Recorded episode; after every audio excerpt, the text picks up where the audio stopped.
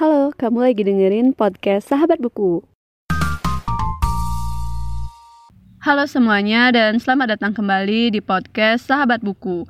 Bagi kamu yang baru pertama kali mendengarkan podcast ini, podcast Sahabat Buku adalah sebuah podcast yang membahas review buku dan pengalamanku saat membaca buku. Oke, jadi di episode kali ini aku akan membahas buku-buku yang belum pernah aku baca dan ingin aku baca dari penulis-penulis favoritku.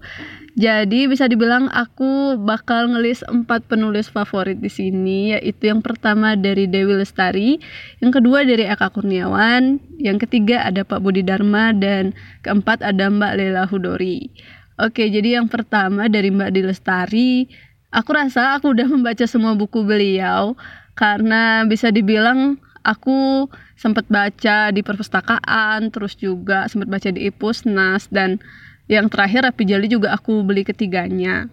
Selanjutnya dari Mas Eka Kurniawan, aku belum baca tiga buku yaitu Cantik Itu Luka, Lelaki Harimau, O, dan oh ya ini ada lagi satu yaitu Pramudia Anantatur dan Sastra Realisme Sosialis, itu aku belum baca.